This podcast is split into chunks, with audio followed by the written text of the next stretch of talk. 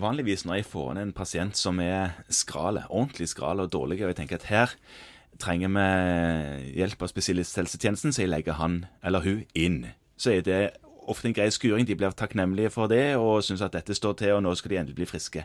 Men enkelte ganger så møter vi på det litt paradoksale at disse pasientene som du tenker bør inn, ikke vil inn. Og du tenker at de må inn, og de vil ikke inn. Nei. Altså, Vi har med tvang å gjøre her nå. Det er det jeg vil snakke om. Du vil snakke om tvang, Og ja. jeg har lyst til å ta det i psykiatrien. ja. Ja, for der er det jo litt enklere å forholde seg til enn i somatikken. Ikke mye, men litt. Ja, fordi, fordi, Fordi at- psykiatrisk sykdom automatisk kvalifiserer for bruk av tvang. Nei, eh, de gjør jo ikke det. Og det, det var litt enklere før, fordi før var det sånn at hvis de hadde en alvorlig psykisk lidelse, eller en mis, betydelig mistanke om en alvorlig psykisk lidelse, så, Ja. så kunne man anvende tvangsparagrafer, enten for, for tvungen eh, innleggelse til behandling, eller for tvungen observasjon. Nå er det ikke sånn lenger. Nå har det kommet inn en paragraf om at det skal vurderes samtykkekompetanse. For det er et veldig vanskelig ord. Ja.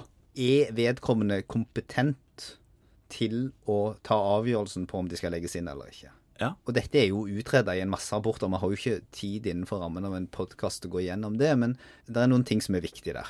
Og Det vil si at det holder ikke lenger å være alvorlig psykiatrisk syk. Nei, det er ikke per se nok. Det holder ikke å være skikkelig psykotisk, og det holder ikke å unndra seg videre behandling. Eh, Nei. Og Før var det en sånn paragraf som, som gjaldt. Altså hvis du sto i fare for å miste viktig behandling, Ja. så var det betydningsfullt. Altså forspilte utsiktene til bedring. Ja, men det betyr ikke nødvendigvis noe lenger. Nei. Hvis det er klart at du forstår selv hva dette innebærer. Så hvis jeg kommer til deg og er blomstrende psykotisk, tenk hvis jeg skulle tro at du var Gud eller noe sånt, det ville jo vært en åpenbar vrangforestilling. Det er ikke langt unna sannheten. Så kunne du sagt at Kristian, nå, nå kommer jeg til å legge deg inn på psykiatrisk, og så kunne jeg sagt at nei, det vil jeg ikke. Fordi at der kommer de til å gi meg noen piller. Og jeg vet for så vidt at jeg kan få en behandling som kan gjøre meg bedre, Ja. men jeg vil ikke ha den. Da må du gjøre en vurdering av om jeg faktisk forstår hva dette betyr. Sånn at Som fastlege så må man da gjøre en vurdering av om den pasienten som sitter foran her, som har sin psykose, eh, eller sin s- psykotiske depresjon, eller sin psykotiske mani, Ja. forstår hva det innebærer å ikke ta imot behandlingen. Og, og med mindre du på en måte kan si at nei, det er åpenbart at dette forstår du ikke, Nei. at de ikke klarer å forstå konsekvensen av dette, så er du nødt til å konkludere med at det er samtykkekompetanse hos pasienten. De har, skal ha en kognitiv funksjon og en forståelse av hva dette innebærer, som gjør det rimelig for de å nekte dette. Fordi at samtykke hos pasienten står i dag mye sterkere enn det gjorde før. Ja, Så du skal få lov til, hvis du virkelig forstår hva det innebærer å si nei, og gå rundt og tro at jeg er Gud. Ja, Ja. så har det vært en del bekymring for at dette vil medføre at en god del pasienter da kanskje ikke får behandling de åpenbart hadde hatt nytte av. Eh, Og til det har, har Helsedirektoratet sagt at ja, sånn er det. Ja. Eh, Fordi at vi mener at pasientens medbestemmelse skal være viktigere nå, så vil noen pasienter ikke få behandling som de etter gammel lovgivning hadde fått, fordi de velger det. Eller ikke hadde fått, hadde blitt påtvunget. Ja. Så er det det at som sånn legevaktslege, og det er jo ofte der man sitter med denne saken, man blir kalt ut til et eller annet mørkt gatehjørne en eller annen sen kveld, eh, og har jo aldri sett eh, damer før, og det er noen sånn litt halvrare komparenter, og det er mye som er rart, så er det klart at det å gjøre en kvalifisert og gjennomgående god vurdering av samtykkekompetansen, det kan være vanskelig. ja og nesten, nesten ikke mulig. I noen tilfeller nesten umulig. Og Derfor så er det sånn at det er egentlig ikke den innleggende legen, altså i de fleste tilfeller oss, som står ansvarlig for den endelige vurderingen. Det er det psykiateren inne som gjør. Ja. Så vi skal gjøre en kvalifisert vurdering som vipper i den ene eller den andre retning, og så er det psykiateren inne på den avdelingen du da har lagt inn på, som skal endelig fatte vedtak om at jo, sånn er det. Her er det grunnlag for observasjon, eller det er grunnlag for tvangsbehandling, fordi at denne pasienten er åpenbart så dårlig. Ikke samtykkekompetent. Ikke samtykkekompetent. Har ikke lov å nekte. Nei, fordi at de forstår faktisk ikke hva det innebærer. Nei. Og når de ikke forstår hva det innebærer, så kan de heller ikke delta i dette. Dette gjelder jo også en del demente pasienter. Ja, visst gjør det der det. Samtykkekompetansen kom inn i bildet. Og barn, enkelte tilfeller. Og barn. Særlig opptil tolv år. Ja, Etter tolv år så skal de ha en gradvis medbestemmelse. selvfølgelig. Så er det én ting som trumfer dette, da. Ja, og det, det er er noe liv. alvorlig og overhengende fare for egen eller andres liv og helse. Ja. Så selv om du vet hvilke konsekvenser det vil ha å ta livet av din kone, så får du ikke lov til det hvis dette er psykiatrisk betinget. Da blir du innlagt. Ja. Hvis det ikke er psykiatrisk betinget, så blir du fengsla. Men Ja. det, det er en helt annen sak, og det kan jo av og til være vanskelig å avgjøre helt umiddelbart. Helt klart. Men det er litt viktig å huske. Så nødrettsbestemmelsene gjelder fortsatt. Så er du alvorlig redd for at noen skal komme vesentlig til skade eller dø Ved å ikke behandle. ved å ikke behandle, så skal du fortsatt behandle. Og da, da er samtykke underordna, fordi at da er liv og helse så viktig. Men det, for at det gjelder egen helse, så er det jo sånn at du skal omtrent true med å hoppe. Ja, ikke sant? Det har jo vært diskusjoner om dette innenfor somatikken, der det går utover egen helse. Ja. Og men- da blir det noe helt annet. Da er det ofte på mye lengre sikt. for da, nå, nå begynner du å snakke om sånn aktiv dødshjelp og det å Ja, la oss avslutte- ikke gå der i denne podkasten. Nei, vi trenger ikke det, men Nei. det var det du toucha innom nå, med somatisk helse Ja, og og, det passiv. å avslutte, avslutte livet. Ja, det. Ja. Ja, eller å unne seg behandling som du åpenbart har nytte av. ja. Så vi har, har jo de som ikke vil ha behandling på sykehus fordi de er redd for å reise på sykehus. Absolutt. Ja. da.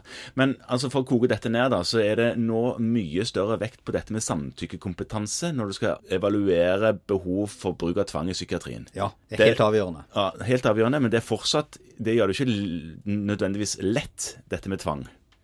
Det er bare en annen plass å flytte gråsonen til.